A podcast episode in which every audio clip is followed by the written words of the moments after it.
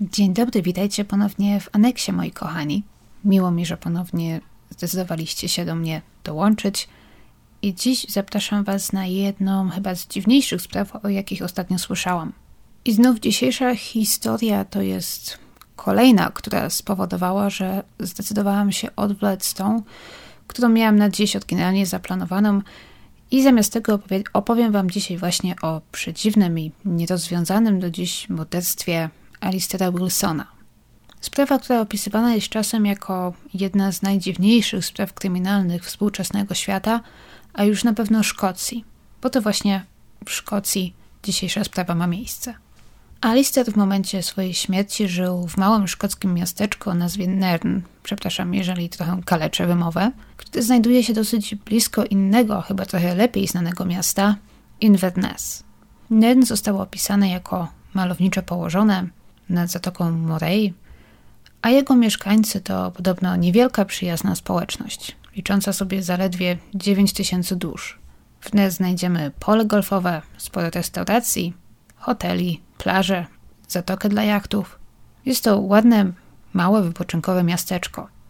Latem wypełnia się turystami, m.in. z sąsiedniego Inverness, a poza sezonem jest raczej ciche i spokojne. Jest to też miasteczko zdecydowanie nieprzywykłe do morderstw, szczególnie do morderstw tak tajemniczych. Raczej nie zdarzało się tam nic, może poza niewielkimi wykroczeniami. Doszło do jednego zabójstwa w latach 90. w wyniku bójki. Dlatego morderstwo Alistera, które miało miejsce w roku 2004, do dziś żyje w pamięci wielu mieszkańców. A przynajmniej tak czytałam. Nie wiem, z żadnym mieszkańcem Nern nigdy nie rozmawiałam. Jestem ciekawa, czy słucha mnie ktoś, kto może gdzieś w Szkocji mieszka, może w Inverness, może gdzieś w okolicach, może był kiedyś w Nern. Jeżeli tak, to koniecznie dajcie znać. Alistair mieszkał razem ze swoją żoną, Weroniką. Dwa lata wcześniej para kupiła przepiękny, trzypiętrowy dom pod numerem 10 przy Crescent Road. Dom ładny, bardzo klimatyczny, dodatkowo idealnie położony, zaledwie kilka minut piechotą od plaży. A Crescent Road, przy której mieszkali, to mała, wąska uliczka. Liczy sobie zaledwie około 160 metrów długości. Poza domem Alistera i Weroniki znajdował się też tam mały hotel z restauracją i barem, taki coś w stylu bed and breakfast, kilka domów, mieszkań i jeszcze jeden bar. Dokładnie naprzeciwko ich domu znajdował się właśnie ten bed and breakfast, bar z restauracją o nazwie Havelock, z tego co widziałam istnieje do dziś. Trochę dalej znajdował się jeszcze jeden, nieistniejący już obecnie, Shambles Bar. Obecnie został przekształcony w kolejny hotel – Widać po tym, że jest to okolica głównie turystyczna. Sam dom Alistera, zanim stał się jego domem, również był jakimś hotelem czy bed and breakfast.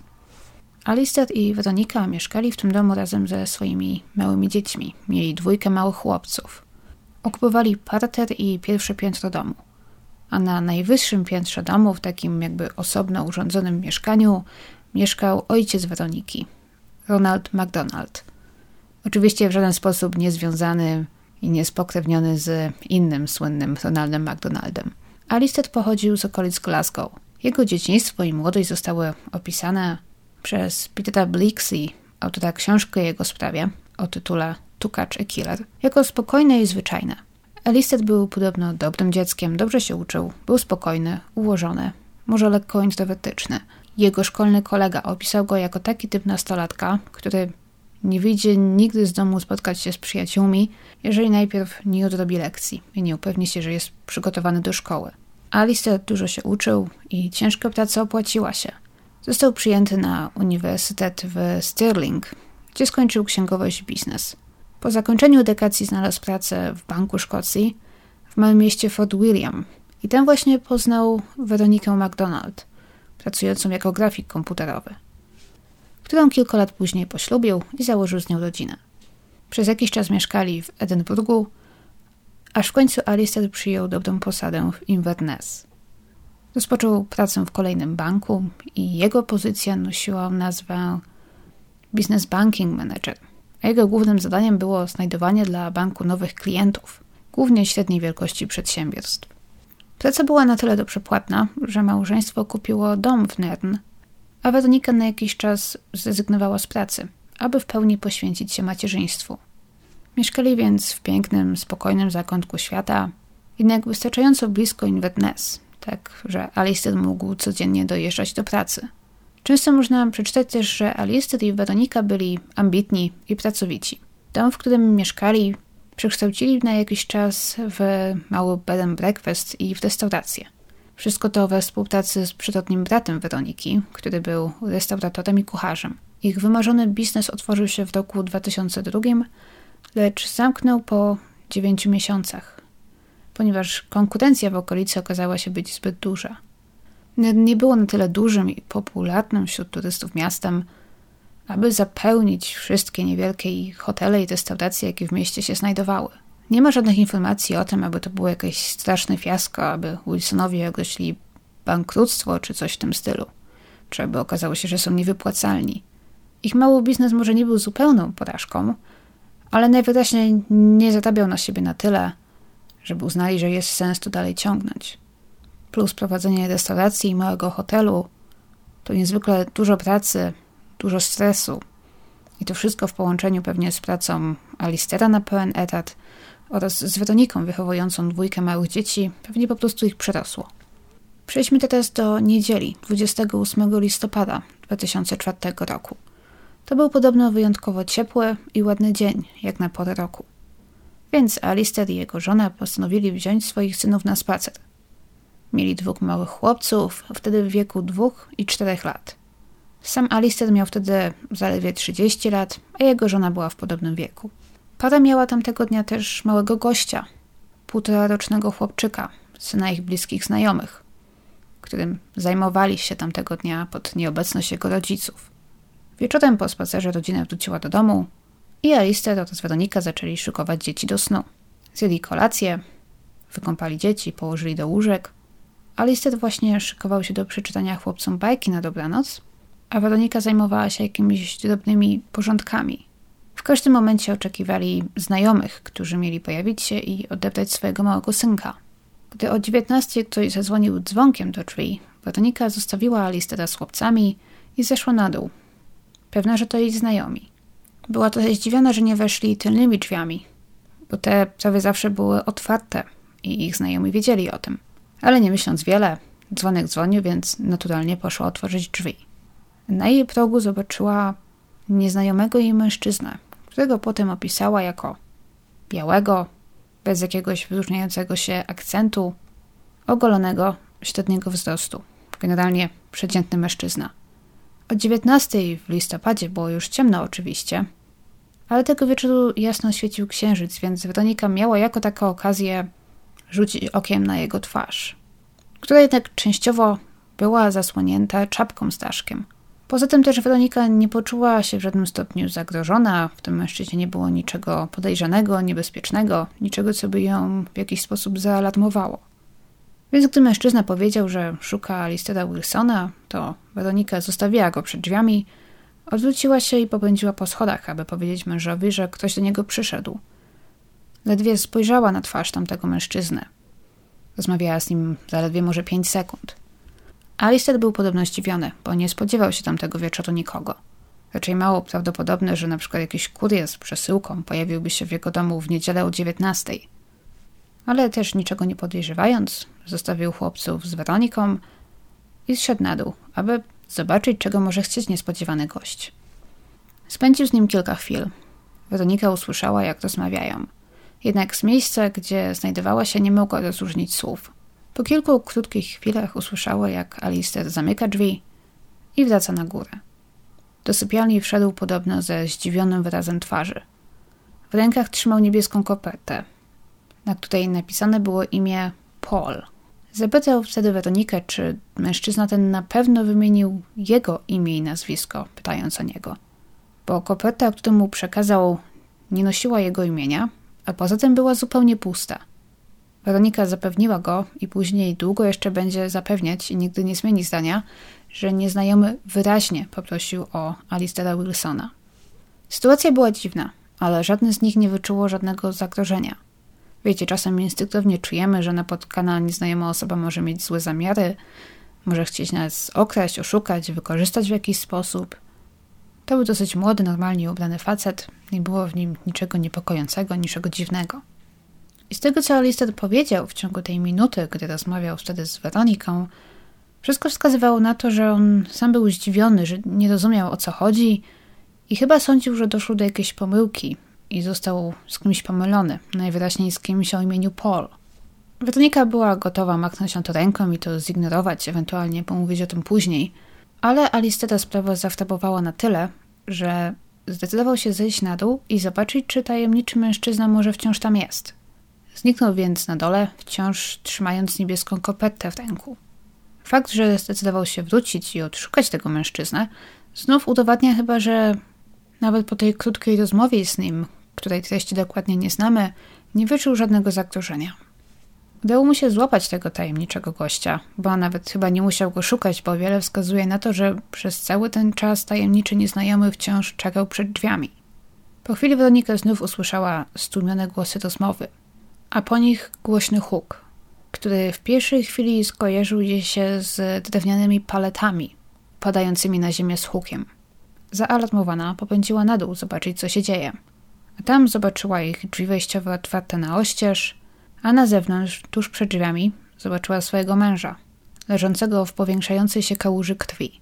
Jak się potem okaże, Alice został postrzelony trzy razy z bliskiej odległości.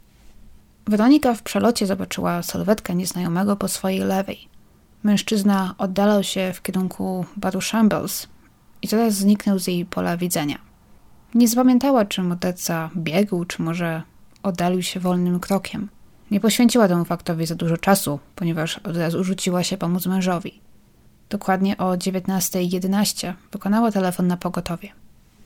W oczekiwaniu na pomoc i w panice pokonała parę metrów do paru Hevlock, który znajdował się naprzeciwko. Zajrzała do środka przez okno, ale nie zauważywszy nikogo, kogo zna, odwróciła się i pobiegła z powrotem do męża. W tym samym czasie zorientowała się, że ich starszy syn zaczął schodzić po schodach i dostrzegł ciało ojca leżące bezwładnie przed otwartymi drzwiami wejściowymi. Zaczęła wołać do swojego ojca, którego właśnie ujrzała u szczytu schodów, aby zabrał wnuka do środka, chcąc uchronić go przed tym okropnym, traumatycznym z pewnością widokiem. W pewnym momencie chyba też otrząsnęła się z pierwszego szoku, bo wróciła ponownie do baru naprzeciwko, weszła do środka i w końcu zaczęła krzyczeć o pomoc. Wkrótce ludzie z okolicy, w tym goście Havelock oraz Shambles, znajdującego się kilkadziesiąt metrów dalej, zaczęli napływać przed dom Wilsonów, aby zobaczyć, co się dzieje. Dokładnie o 19.19 .19 pojawił się ambulans. Ciało nieprzytomnego, lecz wciąż żywego Alistera zostało załadowane na nosze i zebrane w kierunku karetki. Wszystko odbyło się w niezwykłym chaosie, pośpiechu, stresie. Na zdjęciach domu widać, że od drzwi wejściowych na ulicę prowadzi sześć stromych stopni. Gdy ratownicy próbowali znieść ciało nieprzytomnego mężczyzny po schodach, stracili równowagę i ciało Alisteta zsunęło się z noszy na ziemię. Wszystko wyglądało podobno okropnie. Widząc to, Weronika wydała przeraźliwy krzyk. W końcu poszkodowany został bezpiecznie przetransportowany do karetki i zabrany do szpitala Raymore w Inverness, gdzie, pomimo natychmiastowej akcji ratunkowej, Alistair zmarł, nigdy nie odzyskawszy przytomności. Przeżył około godzinę od ataku. Tak też zaczęło się śledztwo w sprawie jednej z najbardziej tajemniczych spraw w Szkocji. Policja rozpoczęła pracę od m.in. przesłuchania sąsiadów i gości obu barów. Ktoś przecież musiał coś widzieć. Wszystko wskazywało na to, że morderca nadszedł piechotą i że piechotą też się oddalił. Gdzieś dalej może czekał na niego samochód, ale jeżeli tak było, to samochód ten nie podjechał bezpośrednio pod dom. Weronika nie potrafiła najlepiej opisać mężczyznę, którego widziała zaledwie w przelocie. Poproszono jednak mieszkańców Nern, którzy widzieli kogoś odpowiadającego opisowi mordercy, aby zgłosili się na policję. Nikt na Crescent Road chyba nie miał okazji zbyt dobrze mu się przyjrzeć. Znalazło się kilku gości baru naprzeciwko, którzy widzieli w przelocie przez okno Alistera rozmawiającego z jakimś mężczyzną, ale mężczyzna ten stał odwrócony plecami do ulicy, więc nikt nie miał okazji nawet rzucić okiem na jego twarz. Wszystko wskazuje też na to, że nikt nie widział samego morderstwa. Znalazł się mężczyzna, Tommy Hogg, który 28 listopada jechał autobusem z Inverness do Nern. Zgłosił, że innym pasażerem autobusu był dziwnie zachowujący się i dziwnie wyglądający mężczyzna w czapce z daszkiem. Zachowywał się w nerwowy sposób. Gdy ktoś na niego spojrzał, odwracał wzrok. Mężczyzna ten wysiadł w Nern na kilka minut przed dziewiętnastą, więc czas jak najbardziej pasował. Gdy wysiadł na przystanku, to minął się z pewną kobietą, która odprowadzała swoją córkę na autobus. Tej kobiecie również mężczyzna w czapce z daszkiem wydał się podejrzany i poczuła ulgę, gdy zobaczyła, że wysiada on z autobusu na przystanku, na którym jego córka wsiada, ponieważ nie czułaby się dobrze z myślą, że jej córka jechałaby z tym mężczyzną autobusem. Opisy tego mężczyzny jednak są niekonkretne. Nie wiem, co tak dokładnie było w nim podejrzanego czy dziwnego, że aż tak przykuł uwagę tego pasażera i tej kobiety. Wiemy, że nikogo nie zaczepiał, z nikim nie rozmawiał. Wysiadł z autobusu i poszedł w swoją stronę. Domyślam się jednak, że musiał wyglądać może jak ktoś z marginesu, może osoba bezdomna, chora czy uzależniona. Dlatego tak rzucił się w oczy. W roku 2005 ogłoszono, że podejrzany pasażer autobusu został przez policję odnaleziony i wykluczony. Nie wiem na jakiej podstawie, czy może miał murowane alibi, czy coś w tym stylu, czy może Weronika go zobaczyła i była pewna, że to nie był mężczyzna, którego widziała fatalnej nocy. Ale istotnie, wiele wskazuje na to, że nie miał on z tą sprawą nic wspólnego. Po pierwsze, policja wątpi, że morderca pojechałby na miejsce zaplanowanego przez siebie morderstwa autobusem. Jeżeli nie miał wspólnika w drugim samochodzie na przykład, to nie miał też możliwości szybkiej ucieczki z miejsca przestępstwa. Po wszystkim musiałby, co, wrócić na przystanek i czekać na autobus powrotny? Jest to oczywiście możliwe, ale znacznie zwiększyłoby szanse, że zostanie złapany. Poza tym wiemy, że ani Weronika, ani Alister nie uznali mężczyzny za podejrzanego czy niebezpiecznego. Wygląda na zupełnie normalnego, przeciętnego mężczyznę. A ten tajemniczy pasażer autobusu, jak wiemy, wzbudził we wszystkich niepokój. Więc chyba mowa tu o dwóch różnych osobach, które po prostu znajdowały się w podobnym miejscu, o podobnym czasie i miały czapki z daszkiem na głowie. W roku 2004 w takim małym, cichym miasteczku nie było zbyt wielu kamer. A już w szczególności nie spodziewalibyśmy się ich na małej i cichej ulicy jak Crescent Road. Na zdjęciach widać jednak, że na początku ulicy znajduje się spory kościół. I kościół ten akurat miał zamontowaną kamerę, która nawet była skierowana w kierunku Crescent i która obejmowała fragment ulicy przed domem Wilsonów. Pojawiła się więc nadzieja, czy ta kamera mogła uwiecznić morderstwo i wizerunek tajemniczego mordercy? Niestety, jak się okazało, kamera istotnie była i działała podobno, ale tamtej nocy była wyłączona, co dało znów podłoże do wielu teorii spiskowych, że śmierć Alistera to był jakiś dobrze zaplanowany spisek, w którym maczało palce wielu mieszkańców Nern, może i nawet. Ale z tego co widziałam, to chyba była jedna z tych sytuacji, w których ktoś zamontował dużą kamerę na widoku aby odstraszyć potencjalnych wandali na przykład, niż aby istotnie coś na niej uwiecznić. Później, gdy rozpoczęto śledztwo w tej sprawie, w ogóle okazało się, że nie do końca było jasne, kto za tą kamerę miał być odpowiedzialny, więc ona tam sobie była, ale nikt jakoś szczególnie jej nie nadzorował. Niezwykle wkurzające, niezwykle przykre. Nie mogę przestać myśleć o tym, jak ta sprawa potoczyłaby się, gdyby ta kamera była tamtej nocy włączona. Czy udałoby się wtedy ustalić tożsamość tego mężczyzny? Czy może, biorąc pod uwagę, że był to rok 2004, jakość byłaby zbyt słaba i okej, okay, może mielibyśmy morderstwo uwiecznione na taśmie, lecz tu dziś nie mielibyśmy pojęcia, kim tajemniczy nieznajomy jest. Tak czy inaczej, należało się skupić na dowodach, które były. Co wykazała autopsja Alistera? Nic szczególnie niespodziewanego. Alister zginął od trzech strzałów z pistoletu. Dwa trafiło go w głowę, jedna w klatkę piersiową. Alister nie zginął jednak na miejscu, przez jakąś godzinę walczył jeszcze o życie. A kule wydobyte z jego ciała wyjaśniły dlaczego. Został postrzelony z niewielkiej broni małego kalibru. Gdyby nie fakt, że Alister został trafiony w głowę, zapewne przeżyłby atak. Samej broni na miejscu nie znaleziono. Wszystko wskazywało na to, że morderca zabrał ją ze sobą. Nie było też łusek. Morderca najwyraźniej zaryzykował, i pozbierał je po sobie. Nigdzie nie było też tajemniczej niebieskiej kopety zaadresowanej do Pola. Ją również morderca musiał zabrać ze sobą. Przed domem znaleziono wypalonego papierosa, który został włączony do materiału dowodowego. Możliwe było, że morderca zapalił papierosa, by dodać sobie odwagi, zanim zadzwonił dzwonkiem do drzwi. Albo stał gdzieś, czekał, może obserwował dom jakiś czas, paląc przy okazji. Ale trzeba pamiętać, że przy ulicy znajdowały się dwa puby.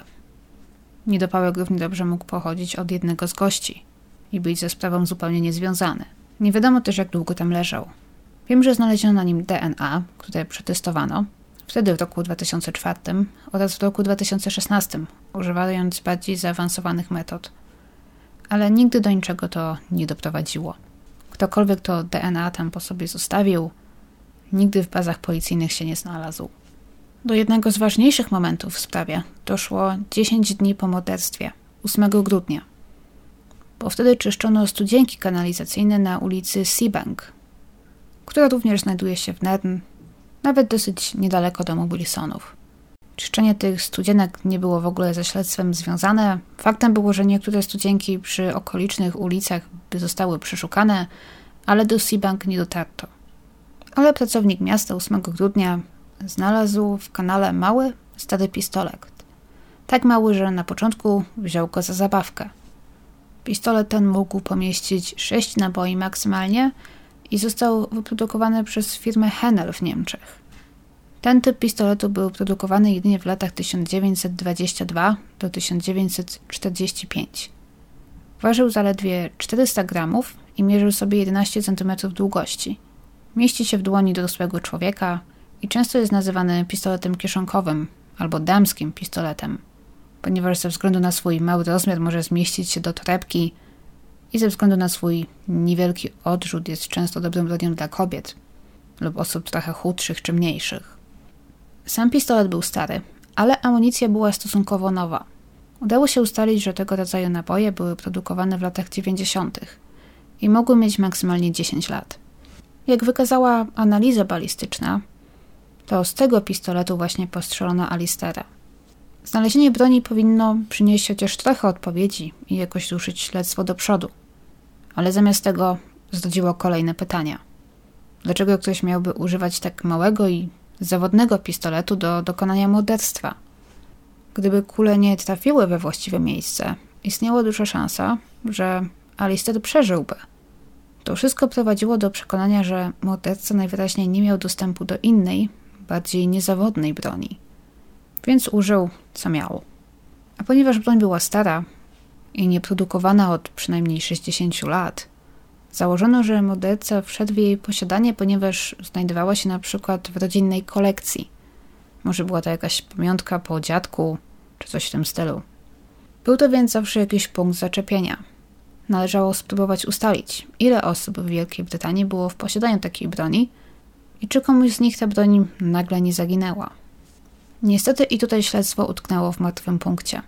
Okazało się, że tego typu pistoletów w latach 1922 do 45 wyprodukowano około 40 tysięcy.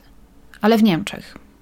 Nigdy w historii taki rodzaj broni nie został legalnie zarejestrowany nigdzie w UK, co wskazuje na to, że gdzieś kiedyś wylądował tam nielegalnie. Mógł zostać przewieziony na przykład jako pamiątka przez żołnierza wracającego do kraju po II wojnie światowej. To jest chyba najbardziej prawdopodobna hipoteza. Broń w końcu stała się jakimś spadkiem po dziadku, coś w tym stylu. Nie znaleziono na niej żadnych odcisków palców, ani innych śladów. Jeżeli tam były, zostały zatarte przez wodę i błoto podczas dziesięciodniowego pobytu w kanale. Seabank Road znajduje się jakieś 200 metrów w linii prostej od Crescent, do której przebiega równolegle. Wszystko wskazuje na to, że przynajmniej przez jakiś czas morderca uciekał piechotą, bo wiemy, że był widziany oddalający się pieszo. Możliwe jednak, że miał wspólnika, który potem odebrał go samochodem. Warto też wspomnieć, że obie ulice, i Crescent i Seabank, znajdują się blisko plaży, ale prawdopodobieństwo, że morderca uciekłby z drogą wodną jest praktycznie równe zero. Tamtego wieczoru miał miejsce odpływ i niemożliwe było, aby wydostać się z Nernu łodzią. Ale miejsce znalezienia broni może sugerować nam jeszcze jedną rzecz – Weronika zapamiętała, że morderca uciekł w lewo, gdzie Crescent Road łączy się z Marine Road. A stamtąd nie ma żadnego łatwego, powiedzmy, połączenia, żadnej tylnej uliczki, która prowadziłaby prosto na Seabank. Musiałby przejść Marine Road, stamtąd na Seafield, która w końcu przecina Seabank. Więcej sensu miałoby, gdyby ktoś pokonał drogę w samochodzie. Miejsce znalezienia broni sugeruje też, że mm, łatwo byłoby wyrzucić ją stamtąd komuś siedzącemu w samochodzie na miejscu pasażera. Studienka znajdowała się po lewej stronie, więc morderca musiałby jedynie otworzyć drzwi i wyrzucić broń do studzienki, która znajdowała się od razu obok. Wszystko zajęłoby zaledwie sekundę i nie rzuciłoby się szczególnie nikomu w oczy. Z tego powodu wierzy się, że gdzieś, zapewne gdzieś na Marine Road, na mordercę czekał wspólnik w samochodzie. Co znów oznacza, że była to akcja do jakiegoś stopnia zaplanowana i zorganizowana, w którą zamieszana była więcej niż jedna osoba. To, co też przemawia za hipotezą, że sprawca uciekł w samochodzie, to to, że z Seabank można było później od razu dostać się na autostradę A96, a nią oczywiście wyjechać z Nern w kierunku Inverness albo i dalej. Fakt, że morderca uciekł z tamtego miejsca w samochodzie zdaje się popierać jeszcze jedna rzecz. Kamera koło domu Alistera istotnie nie działała, ale w miejscu było kilka innych, działających kamer. Żadna z nich nie zarejestrowała tamtej nocy mężczyzny opisanego przez Weronikę. I wiecie jak to jest. Gdy ktoś ginie w wyniku tak zorganizowanego i nagłego morderstwa, to odpowiedzi często należy szukać w jego przeszłości, życiu prywatnym albo gdzieś, gdzie jest dużo pieniędzy. Alister pracował w banku na dosyć wysokiej pozycji i przyzwoicie zarabiał, o czym świadczyć może chociażby piękny dom, na który mógł sobie pozwolić. Ale nie był też na tyle grubą rybą, że tak to ujmę, aby stać się z tego powodu celem tak dziwnego ataku. Jedyne, co może było wtedy trochę inne w życiu Alistera w tamtym czasie, to że niedługo przed swoją śmiercią Alister złożył dwutygodniowe wypowiedzenie i miał przynosić się do pracy do innej firmy, do innego banku. Powodem jego rezygnacji miał być sposób zarządzania bankiem, w którym obecnie pracował. Alister nie zgadzał się z decyzjami zarządu, pod którym się znajdował. Z powodu ich decyzji Alister stracił spory bonus, gdy nie zaakceptowali kontraktu, nad którym Alistair długo pracował. Po tym wydarzeniu Alistair stwierdził, że ma dość i przenosi się do innego miejsca, gdzie jego praca będzie bardziej doceniona. Czy gdzieś tam z tego powodu był jakiś motyw, jakiś powód do pozbycia się Alistera? Może. Pomówmy teraz o kilku hipotezach, o kilku podejrzanych i zacznijmy może od tych najmniej prawdopodobnych. Istniało niewielkie, ale zawsze Prawdopodobieństwo, że cały ten tajemniczy mężczyzna został zmyślony przez jedyną pozostałą przy życiu osobę, która była w stanie opowiedzieć, co w ogóle się stało Weronikę. Mąż zabijający żonę lub żona zabijająca męża to historia stara jak świat. Ale jeżeli tak było, to w życiu Weroniki i Alistera nie było niczego, co mogłoby ją do tego jakoś zmotywować. Nie wiadomo o żadnym konflikcie w ich małżeństwie, Żadny z nich nie miał romansu, który nagle wyszedł na jaw. Weronika nie odziedziczyła żadnego wielkiego majątku, ponieważ Aristot takowego nie miał. W momencie śmierci nie miał nawet spisanego testamentu. W końcu, zgodnie z obowiązującym prawem, Weronika jako jego żona odziedziczyła zupełne prawo do ich domu, plus 6 tysięcy funtów, które Alistair miał na swoim osobistym koncie, 2 tysiące z konta oszczędnościowego, plus 4 tysiące z zaległych i niewypłaconych premii z pracy. Nieszczególnie zawrotna suma, ale na tyle duża, aby pomóc stanąć na nogi młodej wdowie z dwójką małych dzieci. Poza tym Weronika nie odniosła żadnych innych korzyści majątkowych, takich, które ustawiłyby ją do końca życia, tak że nie musiałaby pracować na przykład. Nic z tych rzeczy. Alistair nie miał nawet żadnej polisy na życie. Poza tym dostanie się z Crescent Road do Seabank i z powrotem zajęłoby kilka dobrych minut. Weronika nie zdążyłaby w ciągu 9 minut pomiędzy telefonem na pogotowie i przyjazdem ambulansu pobiec na Seabank Road, aby porzucić broń. Chyba, że założymy oczywiście, że broń najpierw gdzieś sprytnie ukryła, a wyrzuciła ją potem, niezauważona, następnego dnia na przykład. Ale skąd, jak Weronika miałaby wejść w posiadanie takiej broni, to ciężko wyjaśnić. Ciężko też wyjaśnić zeznania kilku świadków, którzy jednak widzieli Alistera rozmawiającego z kimś. Weronika była też niezwykle pomocna i gotowa zrobić wszystko, aby odkryć tożsamość mordercy. W roku 2005 poddała się nawet hipnozie, w nadziei, że powrócą do niej zapomniane w stresie szczegóły. Może przypomni sobie trochę lepiej, jak ten mężczyzna wyglądał, zobaczy jego twarz. Niestety nic takiego się nie stało. Kolejnym podejrzanym, nieoficjalnym, ale wciąż podejrzanym, o którym czasem się mówi, był właściciel tego bed and breakfast i pubu naprzeciwko, Havelock. Mężczyzna ten nazywał się Andy Burnett i Andy był jedyną osobą, która mogła mieć coś na rodzaj konfliktu z Wilsonami, ale nawet konflikt to jest chyba za dużo słowo w tym wypadku. Jak widać na zdjęciach chociażby z Google Street View, Crescent Road to mała, wąska uliczka.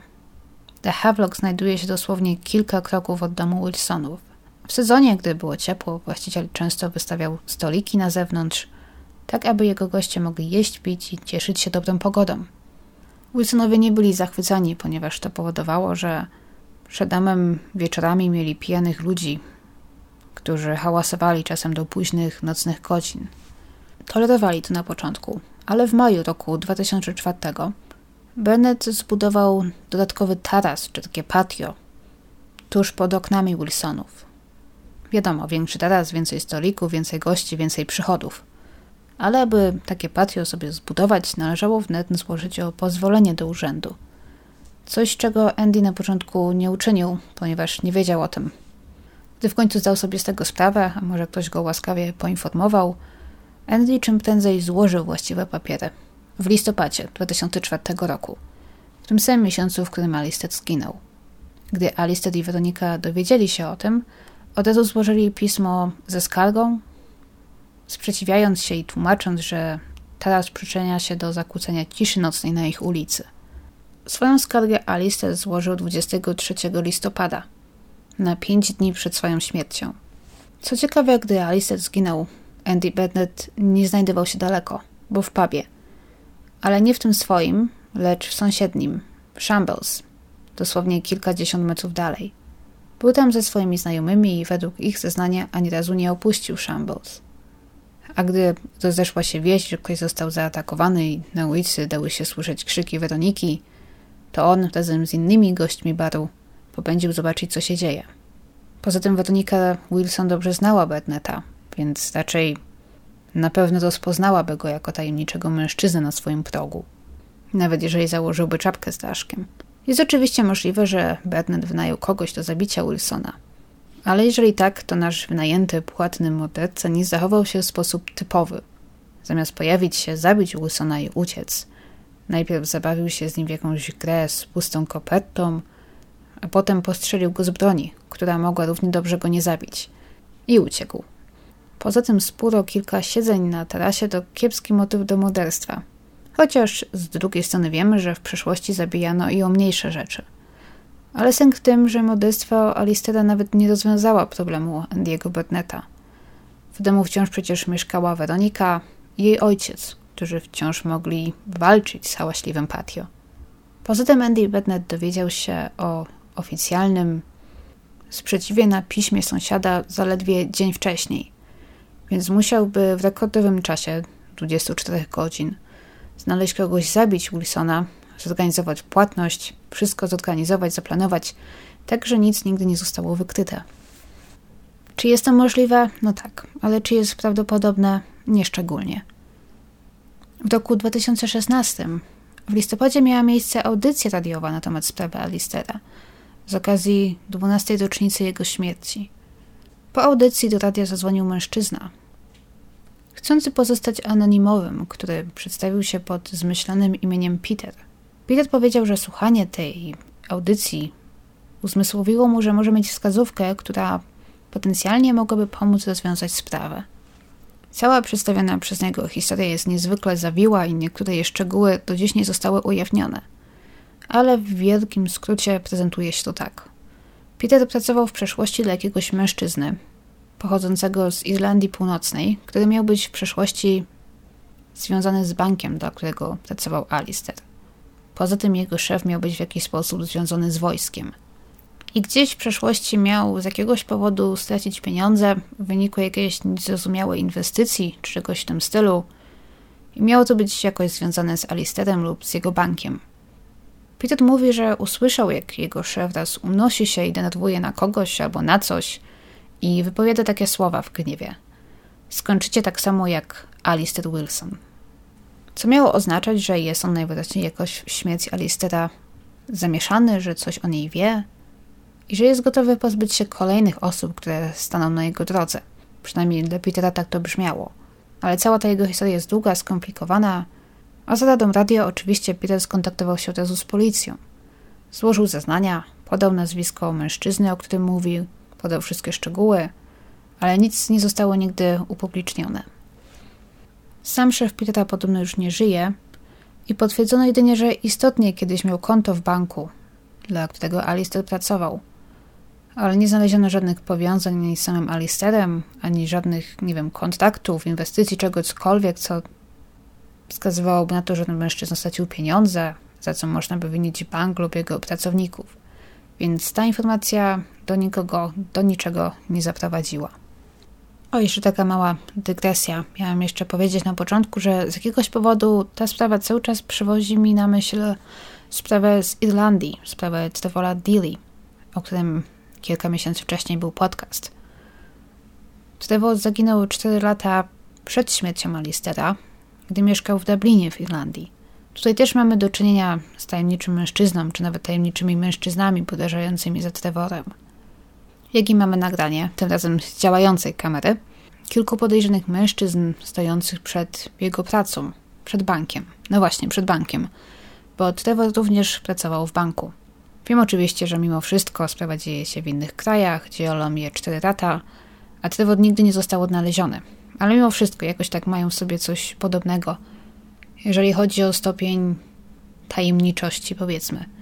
A fakt, że obaj panowie pracowali dla banku, czyni wszystko jeszcze bardziej interesującym. Ale oczywiście nie sugeruję, że one, i nie sądzę, że one są w jakiś sposób połączone. Ale tak samo jak w przypadku Trevora Dealey, tak i tutaj hipotezy można po prostu dwoić i troić, a wciąż żadna z nich zdaje się nie do końca pasować. Nie jest jasne, czy w życiu Alistota był ktoś, kto miał na imię Paul, albo ktoś, kto może Alistot jakoś w przeszłości znalazł mu za skórę, bo dla mnie cała sprawa wygląda trochę jak jakaś osobista vendetta jednak. W pracy Alistota był jeden Paul, ale nigdy nie został ze sprawą w żaden sposób połączony. A biorąc pod uwagę, że Paul to jest popularne imię, to ten trop niestety za daleko nie prowadzi. Poza tym dręczy mnie, dlaczego ktoś dał Alistotowi pustą kopertę? Czy to miał być jakiś znak? Jakieś ostrzeżenie? Czy miało to Alistorowi o czymś przypomnieć? I przede wszystkim, jeżeli morderca przyszedł tam zamiarem zabicia Alistera, to po co w ogóle bawić się w jakieś koperty? Nie lepiej po prostu go zastrzelić i uciec?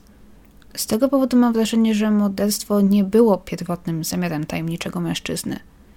Może na początku chodziło o jakąś groźbę, ostrzeżenie, szantaż, wyłudzenie. Bo przecież mimo wszystko ten mężczyzna pozwolił Alisterowi zamknąć ze sobą drzwi i wrócić do domu. Nie było żadnej gwarancji, że Alister wiedziony ciekawością zawróci i spróbuje złapać tajemniczego gościa. Przecież mógł po prostu zostać w domu, zamknąć drzwi i nie wychodzić. Albo wezwać policję, jeżeli uznał, że działo się coś podejrzanego.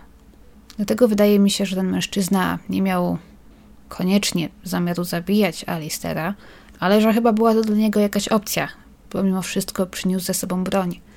I gdy Alister wrócił do niego po raz drugi, to najwyraźniej doszło wtedy do czegoś, co doprowadziło mordercę do skrajności. Może na przykład wtedy Alistair go rozpoznał, albo może w końcu zrozumiał, czego dotyczy ta dziwna koperta i kto za tym stoi. Może doszło do jakiejś konfrontacji, w której morderca zdecydował się, aby siebie chronić, postrzelić Alistera i uciec. Ale jeżeli tak, to w przeszłości ofiary nie znaleziono niczego podejrzanego, niczego tajemniczego – żadnych przekrętów, konfliktów, wrogów. Największy konflikt, o jakim wiemy, dotyczył właśnie tego patio naprzeciwko. Detektyw prowadzący sprawę Alistera po roku śledztwa powiedział, że nie zdołali znaleźć żadnej ciemnej strony życia Alistera, żadnego mrocznego sekretu, który mógłby spowodować, że ktoś chciałby się go pozbyć. Uważali, że gdyby coś takiego było, to po roku zdecydowanie już by to odkryli. A Weronika uważa, że gdyby Alistair przeżył dziwny atak, to i tak nie potrafiłby rzucić dużo więcej światła na tę sprawę. Bo gdy wrócił do niej na górę z kopertą za pierwszym razem, to był równie zdziwiony jak ona. To prowadzi do hipotezy, że Alistair został z kimś pomylony. Może morderca pomylił adres, może szukał kogoś innego, kogoś, kto mieszkał w tym domu wcześniej na przykład. Ale jeżeli tak, to dlaczego poprosił dokładnie o spotkanie z Alistairem Wilsonem? Weronika nigdy nie wyraziła najmniejszej wątpliwości, że to właśnie o niego poprosił tajemniczy nieznajomy. Że wymienił jej męża z imienia i nazwiska. Nie powiedział czegoś w stylu chciałbym porozmawiać z panem domu, albo z twoim mężem, albo z młodym mężczyzną, który tutaj mieszka, czy coś w tym stylu. Zdecydowanie powiedział, wypowiedział jego imię i nazwisko i Weronika jest tego pewna. Poza tym też nie powiedział Weronice niczego więcej.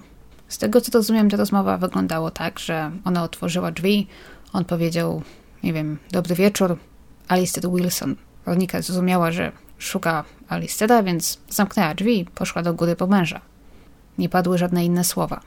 Istnieje też opcja, że Alistair Wilson, ten Alistair Wilson, został pomylony z jakimś innym Alistairem Wilsonem, który miał paść ofiarą ataku lub który miał wiedzieć, o co chodzi z tą dziwną kopertą. Ale jeżeli tak, to o żadnym innym Alisterze Wilsonie nie wiadomo. Żadnym, który byłby zamieszany w coś, co mogłoby go uczynić potencjalną ofiarą morderstwa. Bo faktem jest, że w Szkocji znajdowało się kilku innych mężczyzn o tym nazwisku, ale żaden z nich znów nie był w żaden sposób powiązany z kryminalnym światem. I jeżeli chodzi jeszcze o tą pustą kopertę, to niektórzy spekulują właśnie, że ona była pusta, ponieważ ten miał coś do niej włożyć. Jakieś pieniądze na przykład, jakieś ważne informacje. Coś miało zostać przekazane. I miało to zostać przekazane Polowi, kimkolwiek ten Pol miałby być.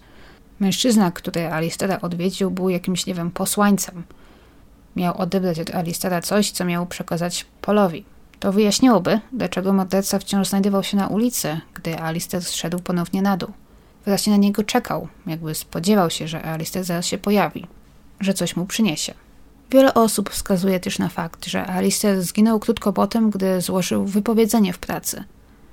Może w banku, w którym pracował, działo się coś podejrzanego, i gdy Alister się zwolnił, ktoś zaczął się obawiać, że Alistair ujawni jakiś skandal, może zacznie kogoś szantażować albo pójdzie na policję.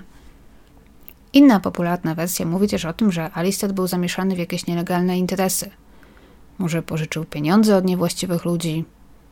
No bo co by nie było, radził sobie dobrze finansowo i mieszkał w dużym, pięknym domu. Nie znalazłam nigdzie informacji, ile dokładnie zarabiał. Ale nie ma też niczego, co wskazuje na to, że Alistair wszedł w posiadanie jakiejś dużej sumy nieudokumentowanych pieniędzy – on i Weronika kupili duży dom, który w roku 2002 kosztował ich ponad 160 tysięcy funtów.